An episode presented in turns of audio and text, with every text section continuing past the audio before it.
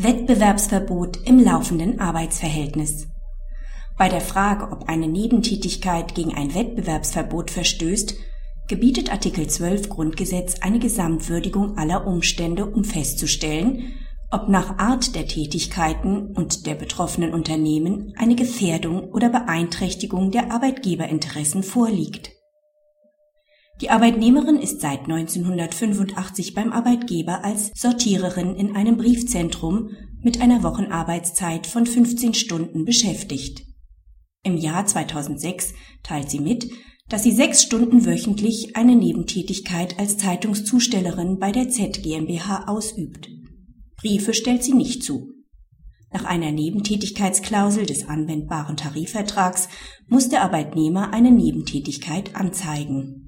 Der Arbeitgeber kann diese im Falle einer Überbelastung des Arbeitnehmers oder aus Gründen des unmittelbaren Wettbewerbs untersagen. Von dieser Regelung macht der Arbeitgeber Gebrauch und macht geltend, die Z GmbH sei ein unmittelbarer Wettbewerber, den die Arbeitnehmerin mit ihrer Tätigkeit fördere.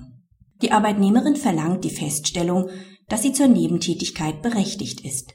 Erst die Revision der Arbeitnehmerin hat Erfolg. Nach bisheriger Auffassung dürfen Arbeitnehmer nach 241 Absatz 2 BGB während des laufenden Arbeitsverhältnisses keinerlei Konkurrenztätigkeit zum Nachteil ihres Arbeitgebers ausüben. Etwas anderes sollte nur gelten, wenn die Nebentätigkeit von vornherein keine unterstützende Wirkung hat.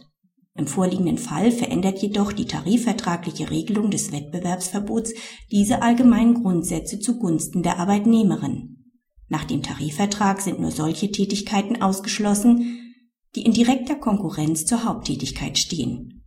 Die Zeitungszustellung stellt als Hilfstätigkeit allenfalls eine mittelbare untergeordnete Förderung des Wettbewerbs dar und kann daher nach der tarifvertraglichen Regelung nicht untersagt werden. Praxishinweis. In einem Obiterdiktum erklärt das BAG, dass für die Reichweite eines Wettbewerbsverbots entscheidend ist, ob nach Art der Haupt- und Nebentätigkeit und der beteiligten Unternehmen überhaupt eine Gefährdung oder Beeinträchtigung der Interessen des Arbeitgebers vorliegt. Nach Ansicht des BAG spricht viel dafür, dass die Reichweite des Wettbewerbsverbots auf unmittelbare Konkurrenztätigkeiten beschränkt werden muss und bloße Hilfstätigkeiten ohne Wettbewerbsbezug nicht erfasst werden. Insbesondere im Hinblick auf Geringverdiener, die auf eine Nebentätigkeit angewiesen sind, ist dieser Ansicht zuzustimmen